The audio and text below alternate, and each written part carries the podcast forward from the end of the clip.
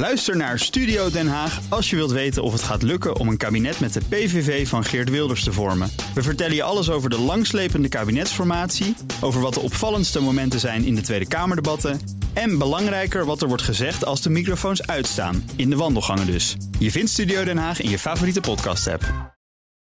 Voor je gaat luisteren, eerst nog even dit. Mijn naam is Paul van Diemt, ik presenteer bij BNR de podcast De Strateeg. En daarin onderzoek ik wat de grote ontwikkelingen zijn op het gebied van technologie, klimaat, geopolitiek, oorlogsvoering en veel meer. Wat betekenen ze voor Europa, voor Nederland en dus voor jou en voor mij? Je vindt hem via bnr.nl of je eigen podcast-app.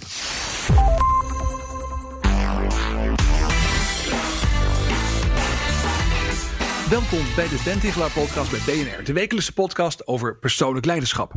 Elke week hebben we een bijzondere gast met inzichten en ideeën die je helpen om je verder te ontwikkelen in je werk en de rest van je leven.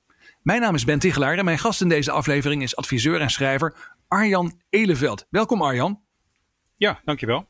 Heel graag. Leuk dat je er bent. Ik heb hier een paar dingen op een rijtje staan over, eh, vanuit jouw biografie. Dat is nogal wat. Je bent uh, psycholoog, werkt als manager, als consultant, schrijver van twee boeken. Maak je organisatie fit en het boek Echt, daar gaan we het onder meer ook over hebben zo meteen. Dat gaat over het doorbreken van politieke spelletjes in bedrijven.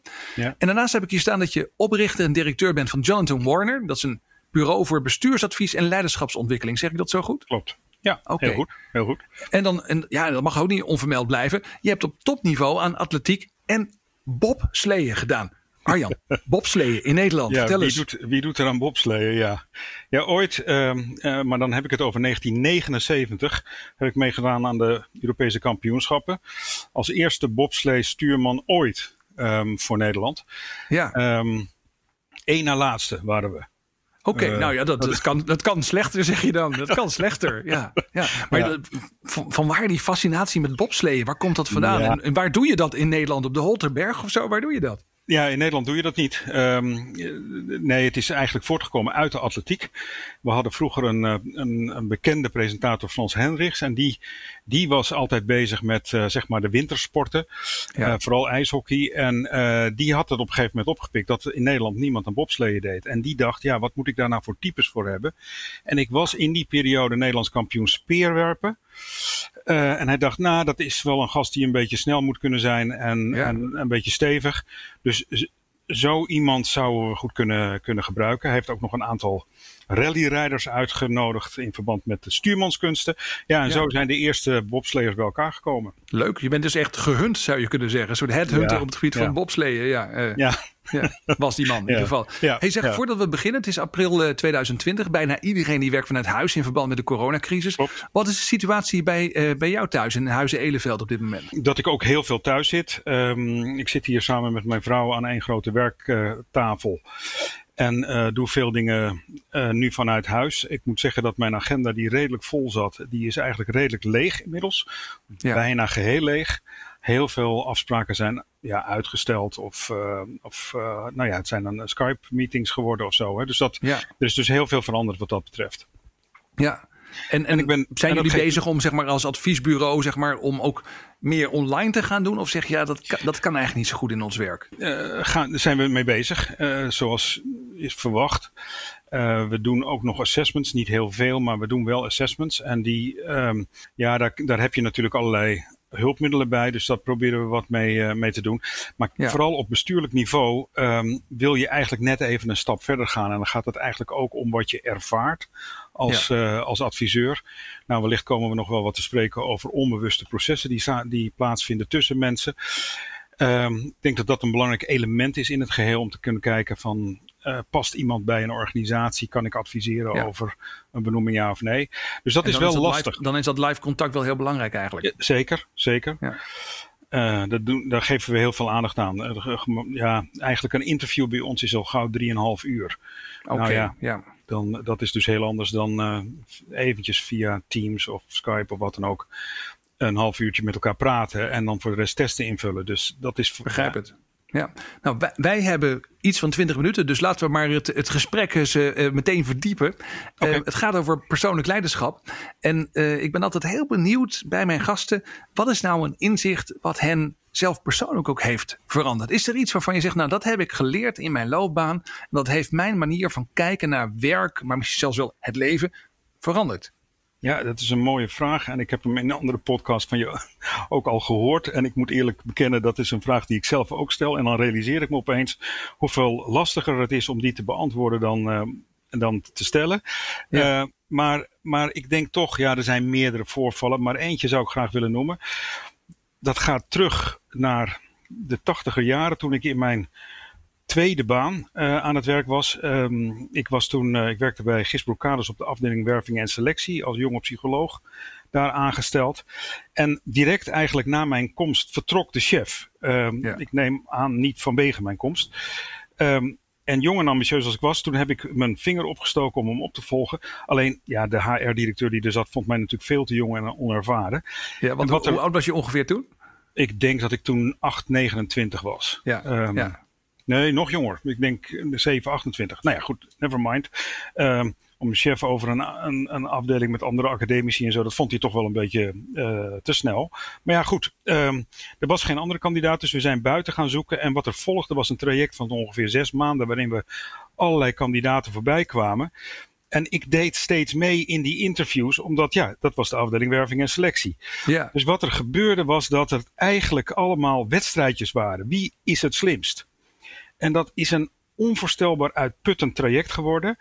Um, ik, maar ik wel, voor mij begrepen, wedstrijdjes tussen wie? Tussen jou en tussen de kandidaten? de kandidaten. Ja, want ik ja. wilde graag uh, chef worden daar. Ja. En al die mensen kwamen ook solliciteren voor die functie. Dus, uh, en jij, bij ieder gesprek liet jij merken dat je er eigenlijk wel een geschikt... Dat je eigenlijk dat, dat, ik, dat ik slimmer was dan... Was. Ja, precies. Ja, precies. Dus dat, uh, en dat duurde zes maanden lang. En zeer uitputtend moet ik zeggen.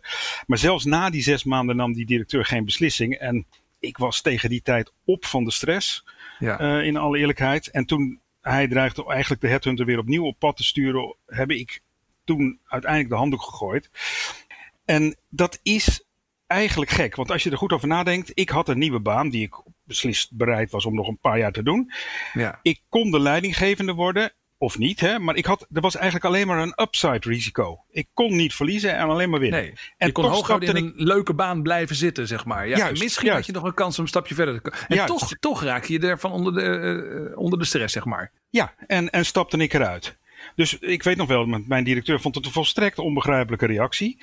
Ja. Um, maar die spanning was dus op dat moment gewoon te veel. Overigens eindigt het verhaal in die zin goed, want toen ik me terugtrok, toen heeft hij hem alsnog benoemd. Oké. Okay. Dus, ja, dat, maar dat, maar was dat is eigenlijk een, niet de essentie. niet een slimme strategische zet van jouw kant dat je dacht van zo, zo krijg ik hem wel zover. Als ik het mooi maak, zou, zou ik het zo kunnen zeggen. Nee, maar dat was het niet. Dat was het Ja. niet.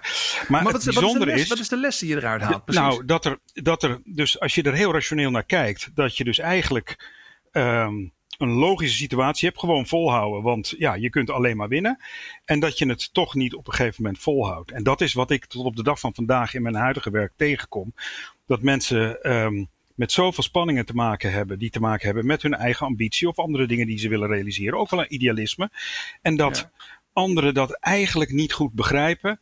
En ook, ook maar vinden dat je het gewoon moet volhouden of uh, zo. Hè. Dus um, ik ben erg betrokken geweest bij de, bij de bestuurlijke eh, perikelen bij ABN AMRO.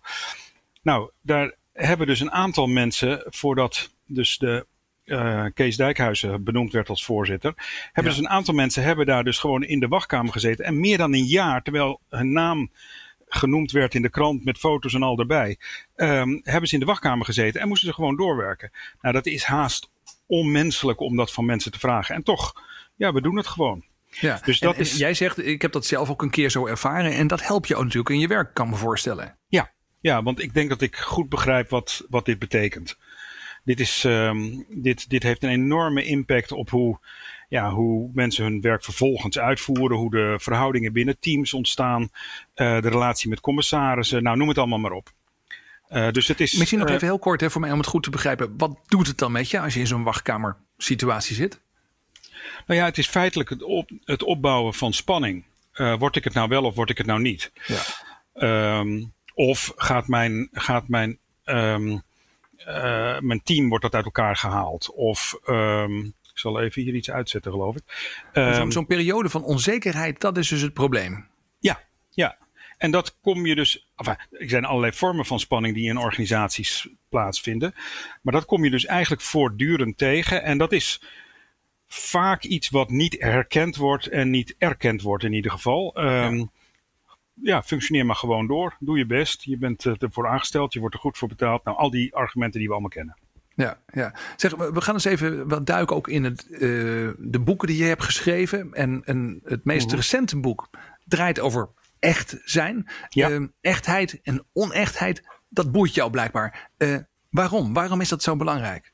Nou, het sluit wel aan op datgene wat we net bespraken. Namelijk dat er dingen gebeuren die eigenlijk heel slecht te bespreken zijn in, in werkomstandigheden.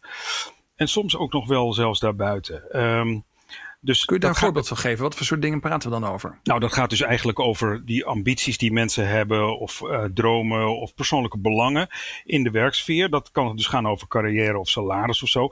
Maar ook wel het, het, het, kunnen samenwerken met die leuke collega met wie je samen op één kamer wil. Of nieuwe dingen kunnen gaan leren, of geaccepteerd worden door, door de baas, of een mooie kamer krijgen. Dat zijn allemaal dingen die mensen willen. Die eigenlijk gewoon, zeg maar, hè, die we best belangrijk vinden. Maar het is vaak niet slim om dat te zeggen. Juist. Nee, wat je dus ziet is dat in, het, in de organisatie is het gesprek of zakelijk of persoonlijk. En daar bedoel ik mee zakelijk. Het gaat over nou ja, de dingen waar we ons mee bezighouden binnen het bedrijf. Of het gaat over, nou ja, het afgelopen weekend heb ik dit of dat gedaan. Maar het gaat niet over datgene wat we zo belangrijk vinden, namelijk hoe kan ik dat, dat die persoonlijke ambities die ik heb, of die persoonlijke wens die ik heb, op mijn werk realiseren. Want dat vinden we het, dan vinden we het oneigenlijk. Dus dat, en die ambities die zijn er, die zijn heel dus belangrijk. even om het goed te begrijpen, je zegt dus eigenlijk van eh, het persoonlijke, dat is prima. Dat gaat over thuis, hè? leuke voetbalwedstrijd gehad, eh, hoe is het met je kinderen. En, en het, zakelijke, dat gaat dan echt over de functie. Maar dat je eigenlijk die baan doet, omdat je persoonlijk ergens wilt komen, bijvoorbeeld in het leven. Juist. Uh, dat mag je eigenlijk niet hardop zeggen. Juist. En wat we dan doen is dat je die, want die ambities of die wensen, die verdwijnen niet zomaar. Dat zijn, daar liggen vaak heel, uh, heel fundamentele drijfveren aan de grondslag. Ja. Die, dus de manier om dat te bereiken is op een indirecte manier. En, ja, en juist daardoor ontstaan vaak spanningen in organisaties. Want je bent lang niet de enige die dat soort ambities heeft. Nee. Um, nou ja, en dan ontstaat er een spel wat ja, zeg maar op twee niveaus zich afspeelt. Aan de ene kant heb je op de tafel, als je met een team rond de, rond de tafel zit, het, het gesprek over de business, over de dienstverlening, over wat, waar je mee bezig bent. En onder de tafel zit dat ander, is dat andere spel. En het een beïnvloedt het ander. Ja, want eigenlijk zou je gewoon. Ja, daar ben ik wel benieuwd naar. Wat vind je dan? Moeten mensen dan gewoon maar hard op hun persoonlijke ambities uitspreken? De mensen tegen zeggen: joh, ik wil hier gewoon de baas worden. Ik begrijp dat jij het ook wilt, maar ik ga zorgen dat jij het niet wordt. Moet je dat dan gewoon maar uitspreken tegen elkaar? Eigenlijk wel. Eigenlijk wel. Dat is wel kort door de bocht, zoals je het nu verwoordt. Ja, nou, maar, vergeef me daarvoor, hè, maar dat is wat me dan zo voorstel. Ja. ja, nee, maar goed, met de titel echt kun je uh, verwachten dat, dat ja, ik een voorstander ben van het echte gesprek. En daar bedoel ik mee dat dat gesprek over de beide niveaus zal, moet, zal moeten gaan. Alleen, dat is niet zo gemakkelijk. Want um, er is eigenlijk voor nodig eerst dat mensen onder ogen willen zien wat die, wat die belangen dan eigenlijk ook zijn. dus wat, wie ben je nou eigenlijk zelf? Wat streef je nou werkelijk na? Um, niks menselijks is ons vreemd. Dus alles is goed. Dus ook het streven naar aanzien of invloed. Het is belangrijk je eerst te realiseren dat je dergelijke behoeften hebt. En dat daar ook hele sterke gevoeligheden mee, uh, mee samengaan. Hè? Dus mensen die heel sterk naar aanzien streven, die zijn enorm bang voor gezichtsverlies, wat precies de andere kant is. En zo heeft ieder van die drijfveren een andere kant natuurlijk. Um, dus daar zitten hele duidelijke gevoeligheden. Dus als iemand daar opstapt um, en jou dus publiekelijk nou ja, een grapje maakt of zo, het gaat meestal dan met een grapje, dan kan dat leiden tot gezichtsverlies en leidt dat meteen tot een enorm ja, ge, een gekwetstheid die erom vraagt om weer gelijk te komen. Met als gevolg dat er dan weer wat teruggaat. Nou, dus je moet eerst zien van hey, hoe belangrijk is of hoe belangrijk vind ik deze dingen als aanzien of invloed of uh, geaccepteerd worden. En dat zijn de belangrijke dingen. Maar ook dat andere mensen diezelfde hebben en dat je dat van elkaar kunt accepteren. En op het moment dat je daar bent, dan kun je dat gesprek voeren. Um, en alles is wat dat betreft dan goed. Want het, ja, maar je zegt, het begint er dus eigenlijk bij dat je, dat je onderkent dat er drijfveren zijn, persoonlijke drijfveren, die uiteindelijk zeg maar vaak zonder dat je de missie zo uitspreekt naar elkaar uh, keuzes in je werk, in je loopbaan bepalen. En die moeten maar eens op tafel komen. Uh, zijn er, is er een beperkt aantal drijfveren? een aantal basisdrijfveren? Waar, waar, zou je, waar zou je mee beginnen als je die drijfveren bij andere mensen of bij jezelf zou willen onderzoeken? Nou, die, ehm, wat mij betreft zijn er dus eigenlijk een aantal. Je hebt een heleboel drijfveren. Hè. Je kunt zeggen geld is een drijfveer enzovoort. Maar wanneer ik naar, over drijfveren praat, benoem ik, noem ik het vooral de fundamentele drijfveren. Daar bedoel ik mee dat het drijfveren zijn die niet verder terugvertaald kunnen worden naar iets wat daar nog weer onder ligt. en dat dus zijn er niet zoveel. Biolo biologische drijfveren zou je kunnen zeggen. Ja, dus je hebt een. Je hebt een tuurlijk, de behoefte aan, aan voedsel en behoefte aan seks zou je kunnen zeggen zijn biologische drijfveren. Maar vervolgens praat je over heel um, evolutionair bepaalde drijfveren. Uh, zoals de, de, de, behoefte om bij de groep te behoren, geaccepteerd te zijn door een groep. Uh, andere is een behoefte aan veiligheid, te begrijpen in welke omstandigheid je bent. En uh, de, nou ja, laten we zeggen, invloed te kunnen uitoefenen op, op die omstandigheden, zodat je jezelf in een wat veilige omgeving kunt weten. Dat zijn eigenlijk drijfveren van aanpassing, gericht op, op de groep en op, op veiligheid. Ja. Um, en een, en een volgend niveau is, is en dat zijn er maar twee. En een volgend niveau is uh, de behoefte aan onderscheid, die je dus vooral ziet bij mensen in leiderschapsposities. Dus dat is die behoefte aan aanzien, die ik net al noemde, erkenning en, aanzien aan de ene kant, en de behoefte aan invloed aan de andere kant. Dus dat, uh, en ook dat zijn er dus eigenlijk maar twee. Dus, dus, dus er zijn eh, een paar hele basale drijfveren die we eigenlijk allemaal wel hebben, maar niet bij iedereen krijgt het op, op dezelfde manier gestalte. Zo is het. Ja, zo is het. Um, en je ziet dus dat bij, um, nou ja, je, je soms in, in groepen ziet dat mensen heel graag bij de groep willen behoren. Um, jarenlang een hele plezierige, loyale medewerker zijn. En dan op een gegeven moment denkt de directeur, nou deze persoon moet dus even in het zonnetje gezet worden. Die zetten we op het podium. Ja. En die persoon wordt daar diep ongelukkig van. Want die heeft helemaal niet die behoefte aan die erkenning en dat aanzien. Die zit dus echt, daar zijn die andere behoeftes van acceptatie en weten waar je aan toe bent. Zijn eigenlijk verreweg het belangrijkst. Terwijl anderen, en daar hadden we het net even over, die met vooral dat aanzien zoeken. Ja. Um, dat zijn de carrièremakers, zeg maar even. Ja, die, ja, die willen ook wel bij de groep horen hoor. Maar dat, dat, want dat, dat hebben ze natuurlijk ook. Maar ze willen vooral onderscheid. Ze willen vooral gezien worden en erkend worden als die bijzondere, bijzondere persoon. die willen wel graag op het podium. Ja, precies. Ja, Zeker. ja. Zeg nou, nou heb je het in je, in je uh, toen, toen ik een beetje aan het uh, inlezen was in jouw, jouw ideeën, toen kwam ik iets tegen. Je zegt er is iets uh, als, als echte onechtheid. ik, ik voel me af, kun je uitleggen wat dat precies is? Onechtheid is wat mij betreft wanneer je dus zelf niet onder de ogen ziet wat je nastreeft. Hè? Dus um, er zijn laten we zeggen, dat hebben, merken we ook in het werk wat ik, wat ik dan doe. Eh, dat je soms mensen hebt die moeite hebben te erkennen dat ze bijvoorbeeld dat aanzien nastreven of die invloed nastreven. En dan uh, het eigen gedrag niet willen um, herkennen en erkennen als zijnde passend bij henzelf. Dus dat betekent dus dat, dat je dan heel... zeg maar over hun intenties, hè, wat, wat, wat ze eigenlijk zeg maar zouden willen, gewoon niet, niet oprecht kunnen zijn. Ook niet naar zichzelf toe? En ook niet naar zichzelf toe. Nee, klopt. Het bijzondere is dat die behoefte aan acceptatie en waardering en zo, dat is een heel sociaal wenselijke uh, drijfveer. Uh, de behoefte aan aanzien en, en uh, anders zijn dan de rest is natuurlijk helemaal minder, veel minder sociaal wenselijk. Ja. En dat wordt dan ja. dus ook, kijk, de stelling die ik wel vaak heb is dat alle leiders en mensen in de media, et cetera, dat zijn allemaal ijdele mensen.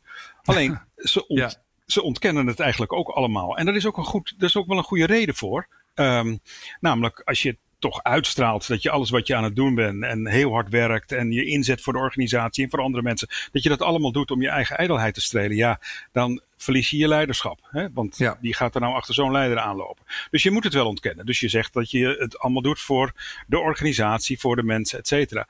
Maar ja, daaraan, daaronder ligt toch echt wel die behoefte om, goh, mag ik dan ook een beetje erkenning voor het feit dat ik vier keer zo hard werk ja, als iedereen. Toch een beetje die podiumdrang gezien willen worden. Ja, exact. Exact. Ja, ja en ik herken het allemaal. Ik herken het allemaal. Het is ook allemaal heel confronterend wat je zegt. Ja, ja.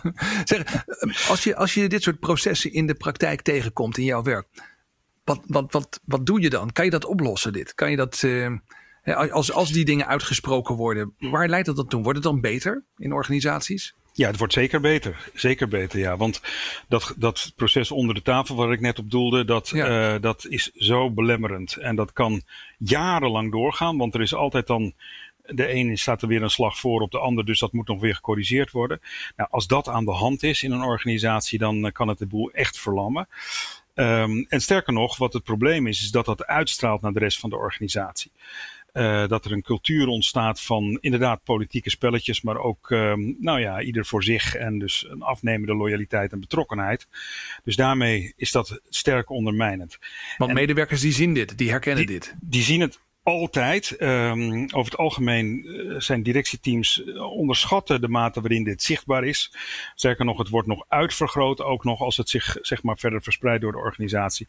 Dus dit, is, dit zijn echt vervelende omstandigheden in een, in een, in een bedrijf of instelling.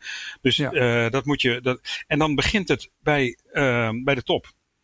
En kun je eens een voorbeeld geven hoe dat dan gaat? Als je, als je dan zeg maar, uh, nou ja, als je dat oplost met elkaar. Uh, is het dan zo dat mensen dan eerlijk zijn naar elkaar en zeggen, ah, eigenlijk wil ik dit. En dat mensen elkaar dan huilend in de armen vallen en zeggen, ach, nu zijn we eindelijk eerlijk tegen elkaar. Hoe, gaat het dan verder?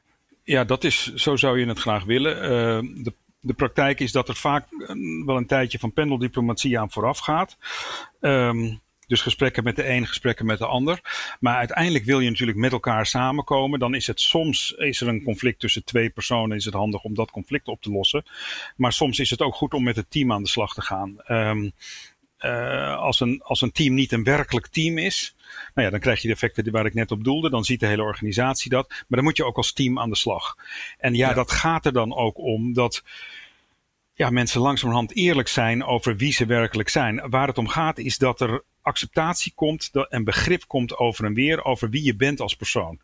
Ja. En dan blijkt iedereen toch gewoon een mens te zijn. Um, en dat er onzekerheden zijn die misschien wel vanuit, nou ja, misschien vanuit de puberteit nog, een, hè, dan, over het algemeen zijn het vijftigers met wie ik te maken heb, maar um, dat er dan zelfs vanuit die periode toch nog dingen over, overblijven en die een rol spelen in de wijze waarop mensen naar ja. anderen kijken. Nou, dat soort dingen te begrijpen van elkaar en daar nou ja, dan, dan, vallen, dan vallen er soms kwartjes en dan, uh, ja, dan ontstaat er een hele andere sfeer. En dan, uh, dan moet er toch nog steeds vervolgens van alles en nog wat uitgesproken worden. Maar ja, als er iets een rol speelt met dit soort processen, is het wel beeldvorming. Nou, dan kan je eindelijk die beeldvorming eens een beetje gaan bijstellen. Ja, um, ja en, en, en het interessante is ook, ik, ik hoor ook het, het bekende woord kwetsbaarheid, hè, waar het veel mm -hmm. over gaat, ook in managementliteratuur in de laatste jaren dat is dus eigenlijk ook wel heel belangrijk. Want het, het, het vergt nogal wat om dit soort dingen open op tafel te leggen naar elkaar. Ja, ja. ja goed. En dat, nou, de kunst is dan om de goede uh, sfeer te creëren met elkaar. Een open sfeer, een vertrouwelijke sfeer. Um, hoe, hoe, hoe, wij het eigenlijk aanpakken is dat we eerst dan met de individuele mensen praten en daar die analyse mee maken. Uh, wie ben je nou eigenlijk? Uh, Zo'n ja. gesprek van 3,5 uur waar ik net op doelde, nou, dat, is, dat helpt dan al. Hè, want je kunt best een uur lang de schijn ophouden of twee uur, maar dan een tijdje begint het Op een gegeven moment word je moe en dan laat je misschien je masker iets meer vallen. Ja. Klopt, klopt. Ja, ja goed. En dan, dan, um, ja, dan ontstaat er langzaam een bereidheid om op die manier naar elkaar te kijken, elkaar beter te begrijpen. Uh, en mensen geven zelf het tempo aan, hè, wanneer ze dat, wanneer ze zover zijn. En uh, ja, dan ontstaat er toch iets moois. Dat hm. is, uh, en, en ja, als teamleden elkaar niet accepteren in de rollen die ze hebben, niet bereid zijn om elkaar te helpen, elkaar gewoon ook wat gunnen, ja, dan, dan gaat het ook op die andere terreinen van synergie helemaal mis. Ja, ja. Ik uh, heb begrepen dat je ook aan een nieuw boek werkt. Dat Klopt. gaat over de geheimen van succes, zowel op persoonlijk niveau als voor organisaties. Klopt. Um, heeft dat hier ook mee te maken? Als je echt succesvol wil zijn, moet je dan ook die drijfveren helder hebben voor jezelf bijvoorbeeld? Kun je een tipje van de sluier oplichten hoe die dingen samenhangen met elkaar. Hoe uiteindelijk succes ook wordt gebouwd. Ja, succes is natuurlijk best een lastig onderwerp, omdat dat gaat natuurlijk eigenlijk weer over dat, die behoefte aan, aan, aan aanzien. He, van uh, uh, kijk mij beter zijn dan anderen en uh, gun je mij het succes. Dus het is een ingewikkeld, het is een ingewikkelde motief wat, wat mensen dan, dan hebben. Mensen streven het wel in, in enorme mate na, is voor mensen ja. ook heel erg verschillend. Um, dus ja, ik laat even zien hoe dat. Ik probeer in het boek te laten zien hoe, hoe, hoe dat dan werkt. Wat dat bij jezelf is, maar vooral ook hoe dat in de interactie met anderen dan werkt. Um, maar de, het, het, grootste nadruk ligt eigenlijk toch wel op succes van organisaties. Okay. Waarbij ik, en ik noemde het woord cultuur net al even, waarbij ik dus heel nadrukkelijk ook kijk naar de cultuur van de organisatie. Uh, uiteindelijk, als je kijkt naar duurzaam succes, dan is cultuur van de organisatie toch misschien wel de allerbelangrijkste factor. En Kun hoe je daar kort iets over zeggen? Want hoe, hoe werkt dat dan? Is het dan zeg maar een cultuur ook waarin, uh, nou ja, zeg jij het maar. Wat, wat, wat, wat is die samenhang tussen cultuur en succes? Nou ja, um, wat ik gedaan heb is, uh, is nou ja, naar een heleboel organisaties kijken, zowel in Nederland overigens als daarbuiten. En toch proberen te analyseren wat maakt nou dat op de langere termijn uh, deze organisaties succesvol zijn. Dan kijk ik overigens breder dan alleen naar financieel succes. Uh, maar wat me dan opvalt is. Um, nou, me valt eigenlijk twee dingen op. Eén is dat organisaties die, waar, die zeggen te worstelen met hun cultuur en dat, dat die moeten veranderen, dat dat eigenlijk altijd gaat om hetzelfde type uh, cultuur. Dat zijn altijd naar binnen gerichte, um, ja, behoudende, um, niet op samenwerking gerichte culturen. Uh, terwijl de culturen waar uh, organisaties zijn die succesvol zijn, mensen juist wel openstaan naar elkaar en bereid zijn om over andere naar andere disciplines te stappen, klantgericht zijn. Ja. Um, nou ja, zo. Dus het is altijd dezelfde richting op. En ik heb onderzocht waar dat nou komt. En dat heeft, dan kom je weer terug op diezelfde fundamentele drijfveren. Dan, dan zie je dus dat als een organisatie niet op dat op de goede manier wordt aangestuurd en er onvoldoende ruimte en aandacht is voor mensen, dat mensen ja. zeg maar hun, in hun eigen teams, in hun eigen groepen, die veiligheid zoeken en die, en die samenhang zoeken en, en die acceptatie zoeken. En dan ontstaat dus zo'n nou ja, waar we het net over hadden, die hele basale drijfveren van ons eigen clubje. Daar vind ik mijn veiligheid. Dat gaat dan bepalend zijn voor de cultuur van de organisatie. En als je zo'n cultuur hebt, dan kun je het vergeten um, dat, je, dat je ooit succesvol wordt als organisatie. Want omdat succes... je niet over de grenzen van je afdeling samenwerkt, omdat de klant misschien minder belangrijk voor je exact, wordt, omdat het om exact. jouw clubje gaat. Ja, exact, ja, exact. Dus je moet daarna naar die andere kant toe. En daarvoor is leiderschap onontbeerlijk. Um, dus je hebt dan uh, leiderschap nodig dat in de eerste instantie natuurlijk begrijpt dat het gaat ook over, over waardering en over acceptatie in groepen. Um, dus dat je dat niet weghaalt, maar dat je ja. daar dus iets aan terug, terug uh, aan toevoegt. Dus je, wat je eigenlijk goede, effectieve leiders zijn dus in staat om dit soort groepsprocessen op lijn te brengen met de doelen van de organisatie. Waarbij um, de, de, de angst voor uitsluiting, dus datgene wat dus maakt dat mensen verstarren in zeg maar behoudend gedrag, dat die angst voor uitsluiting uit de groep, dat dat um, eerder ontstaat wanneer je niet meegaat in het nieuwe gedrag, wat veel meer naar buiten gericht is, dan omgekeerd. Nou, ik ja. zeg het nu in, in twee zinnen. Ja, maar... je vertelt het heel snel, maar ik begin het wel een beetje te begrijpen. En je zegt eigenlijk ook, dat vind ik wel een heel mooi uh, uh, inzicht eigenlijk. Dat als je gaat proberen die fundamentele drijfveren van mensen als het ware te onderdrukken of te ontkennen dan gaat het sowieso dat mis. mis. Je moet dat, dat onderkennen dat dat er is. En ondertussen moet je ze zeg maar vanuit die drijfveren misschien wel toch een beetje in de richting proberen te laten werken die ook voor de organisatie als geheel goed is. Ja, exact. De, en, en er zijn natuurlijk goede voorbeelden van, uh, van organisaties die dat, die dat heel goed kunnen. Kun je een en, voorbeeld noemen? Nou ja, een organisatie waar ik zeer van onder de indruk ben is Buurtzorg met, uh, van, uh, met Jos de Blok als uh, ja. jaar, jaar, in jaar uit. Nou ja, je kent de organisatie ongetwijfeld. Ja, jaar, jaar in jaar uit de beste, beste werkgever van Nederland geloof ja, ik gekozen. Ja, ja. En, maar niet alleen als werkgever, maar dus ook de klanten zijn heel veel tevredener dan, dan allerlei andere organisaties die thuiszorg geven. en ook de financiële resultaten zijn heel goed. Hè? Dus het is op meerdere dimensies dat dat goed werkt. Um, maar goed, ook zo'n organisatie als Coolblue, die eigenlijk vanuit een achterstand uh, ten opzichte van Bol.com en Wekamp uh, een plek moest vinden.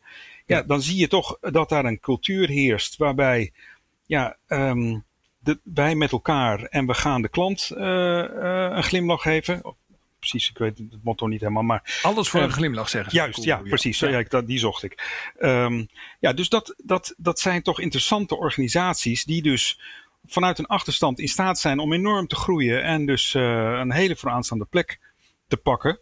Um, eigenlijk vanuit een, vanuit een soort filosofie van zo gaan wij met elkaar om en zo, en, en zo gaan wij ook uh, business doen. En er is dan een actieve, betrokken manier van leiderschap bij betrokken, die niet voorschrijft, ja. Maar die wel waardering geeft, die die groepsprocessen in stand houdt, die dat, de groepsprocessen juist versterkt. Kijk naar Jos de Blok, hoe die, die teams helemaal centraal in zijn, in zijn concept heeft gezet. Dat geldt ja. ook voor andere organisaties. Dus op zich zie je dat het dan begint te werken. Mooi, mooie voorbeelden, dankjewel. Um, ja, de tijd gaat heel erg snel altijd bij deze podcast. En dat betekent dat we uh, alweer aan de laatste vragen toekomen nu. Oké. Okay. Um, uh, de vraag die ik hier nu voor me heb, dat is de verrassingsvraag. Uh, je moet een nummer noemen van 1 tot en met 15. Dan pak ik een envelop, er zit een vraag in. En die vraag ga ik aan je voorleggen. Wat is je favoriete okay. nummer? Nou, doe maar nummer 1. Nummer 1. Dat is wel interessant, hè? Als we net hebben gehad over mensen die eigenlijk heel erg ambitieus zijn. En dan vraag ik, wat is je favoriete nummer? En dan zeg je nummer één. Dat vind ik wel, nou, veelzeggend. Ja, ja Goed, jij bent de psychologie. Een beetje hè, Freudiaans dus, opgeleid. Even ja. kijken hoor, wat komt eruit? Nummer één.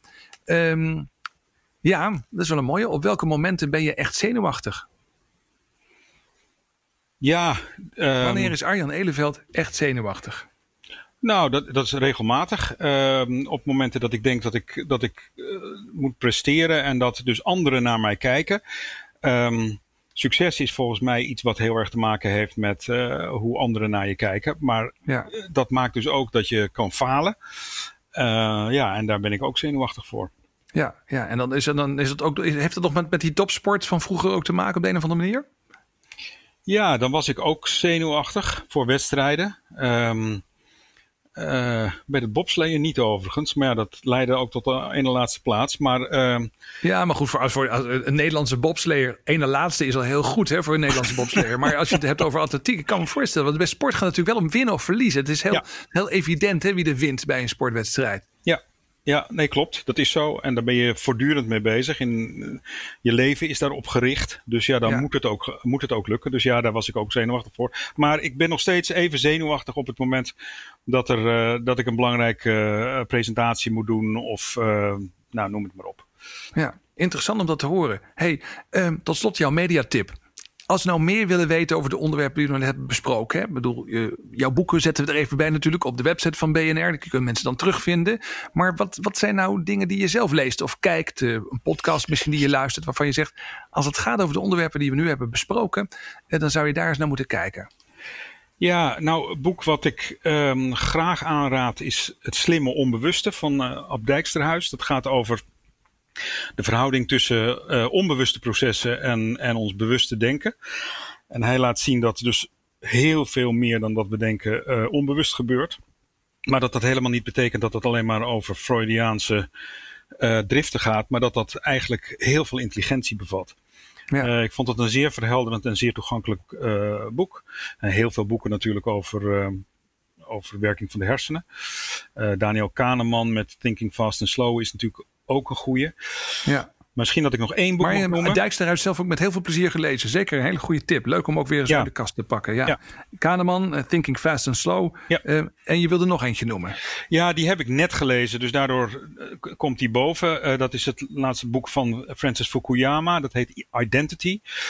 En Fukuyama maakt eigenlijk heel goed inzichtelijk hoe ja, spanningen in de huidige maatschappij enorm sterk voortkomen uit die menselijke drijfveren, dat groepsdenken en de behoefte om je te kunnen identificeren met een bepaalde groep. En als een bepaalde groep dan dus niet die erkenning krijgt die je denkt dat je verdient als groep, ja.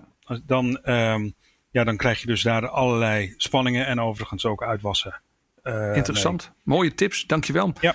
Um, we zijn aan het einde gekomen. Ik wil je heel erg bedanken, Arjan Eleveld, voor het delen van je inzichten en je ideeën met ons. Heel graag gedaan. Dit was de Ben Tichelaar podcast bij BNR met als gast deze keer Arjan Eleveld. Vond je dit interessant? Check dan ook mijn andere podcasts via BNR of je favoriete podcast app.